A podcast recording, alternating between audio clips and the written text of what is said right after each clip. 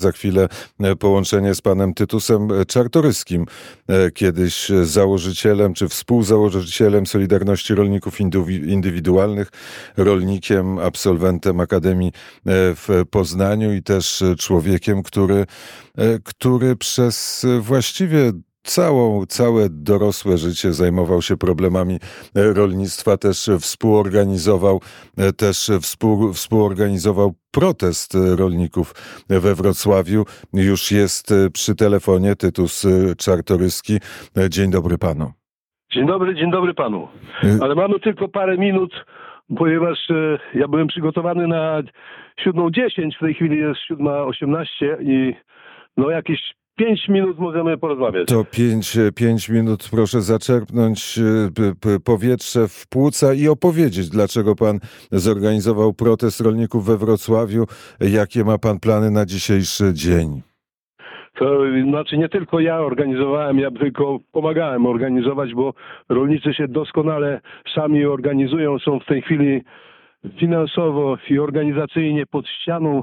Unia Europejska prześladuje, tak jakby się kierowała nienawiścią do rolników, odbiera im poczucie godności, odbiera im możliwość normalnej pracy, stwarza sytuację, w której mogą stracić gospodarstwa swoje, które są często dorobkiem bardzo wielu pokoleń, które są dla nich podstawą życia i są źródłem, genezą ich motywacji i sensem ich życia.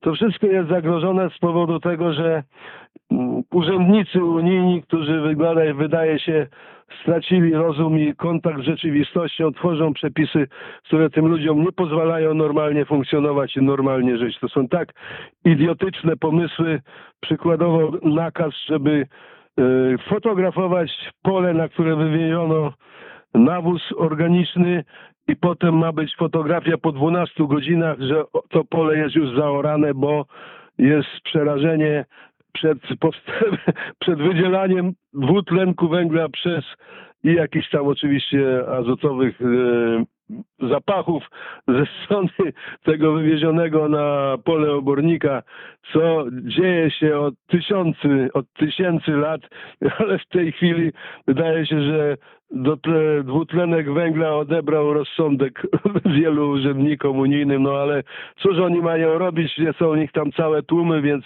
muszą coś wymyślać, żeby uzasadnić swoje istnienie. No ale to pan identyfikuje problemy rolników z Unią Europejską. No, oczywiście tak. Natomiast e, jeżeli chodzi o drugi poważny problem, to jest napływ żywności taniej z Ukrainy, to trzeba tu zdecydowanie rozróżnić dwie sprawy, mianowicie to, że e, ten, to, co jest przywożone z Ukrainy do Polski nie tylko do Polski, to jest produkcja gigantów agrobiznesu, którzy mają po setki tysięcy hektarów do swojej dyspozycji, którzy mają swoje korzenie finansowe w Unii Europejskiej, w Holandii, Francji, w Niemczech i wielu innych krajach. I których nie należy identyfikować z Ukrainą. Oni wykorzystują ziemię ukraińską, wykorzystują naród ukraiński, który walczy krwawo i bohatersko o wolność naszą i, i waszą. I w tej chwili mm, mówienie i co, co często jest prowokowane niekorzystnie o Ukrainie, czy wręcz wrogo do Ukrainy, to jest kopanie w drzwi, za którymi stoi bezwzględny barbarzyńca. Także wydaje się, że te trzeba sprawy wyraźnie rozróżnić, a e, złe relacje między Polską a Ukrainą to jest odwieczne marzenie sił niemieckich i moskiewskich. Ale e, rolnicy blokują e, granicę e, polsko-ukraińską i to oczywiście dlaczego blokują wiemy, ale propaganda jest bardzo silna. Po obu stronach wzrasta ta niechęć między Polakami i Ukraińcami. Co zrobić?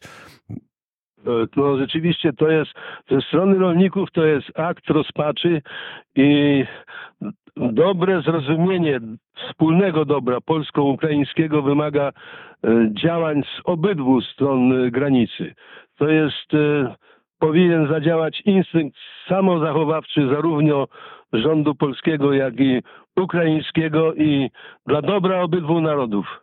konieczne jest uregulowanie tej sprawy, a od tego są rządy, ministerstwa, są służby.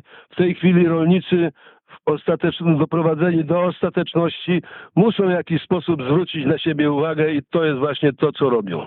Tylko e, tyle, że mówimy o cenach zbóż, a ceny zbóż dyktuje zboże rosyjskie na rynkach światowych. Też oczywiście to jest prawda, to jest, to jest przykład nieudolności i skupienia się Unii Europejskiej, Brukseli na tworzeniu przepisów bezsensownych, natomiast w działaniu, w konkretnym zapobieganiu trudnych sytuacji wygląda na to, że nie radzą sobie zupełnie. Za chwilę gościem poranka wnet będzie pan Janusz Wojciechowski, komisarz europejski do spraw rolnictwa. Jak- Jakie by pan mu zadał pytanie? No, wydaje mi się, że powinien posłuchać prezesa i ustąpić z tego stanowiska, dlatego że zasłużenie czy niezasłużenie e, jest on w tej chwili obiektem e, bardzo surowej, czasami może niezasłużonej krytyki. W związku z tym powinien zej- zejść z linii ognia. Czyli to by pan e, powiedział panu komisarzowi dobrze w imieniu Tytusa Czartoryskiego, współzałożyciela Solidarności Rolników Indywidualnych.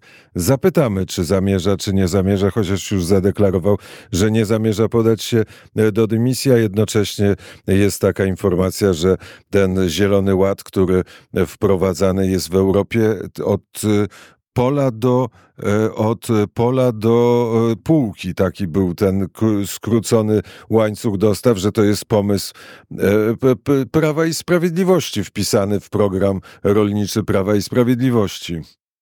Z tym bardziej, że uzasadnione czy nieuzasadnione, ale liczne zarzuty w kierunku pana komisarza Wojciechowskiego powinny spowodować, żeby przestał być jak piorunochronem, który ściąga na siebie zasłużone i niezasłużone gromy. To naprawdę i politycznie, i emocjonalnie nie jest potrzebne i wydaje mi się, że odważny i zdecydowany krok, rezygnacja, to przywróciłoby wiarygodność jemu i poczucie godności. Dobrze, od rządu polskiego czego pan się spodziewa? Jakie decyzje powinny zapaść, żeby skończył się protest rolników? No trudno cokolwiek się po tym rządzie spodziewać, który zajmuje się przede wszystkim rozwalaniem Polski.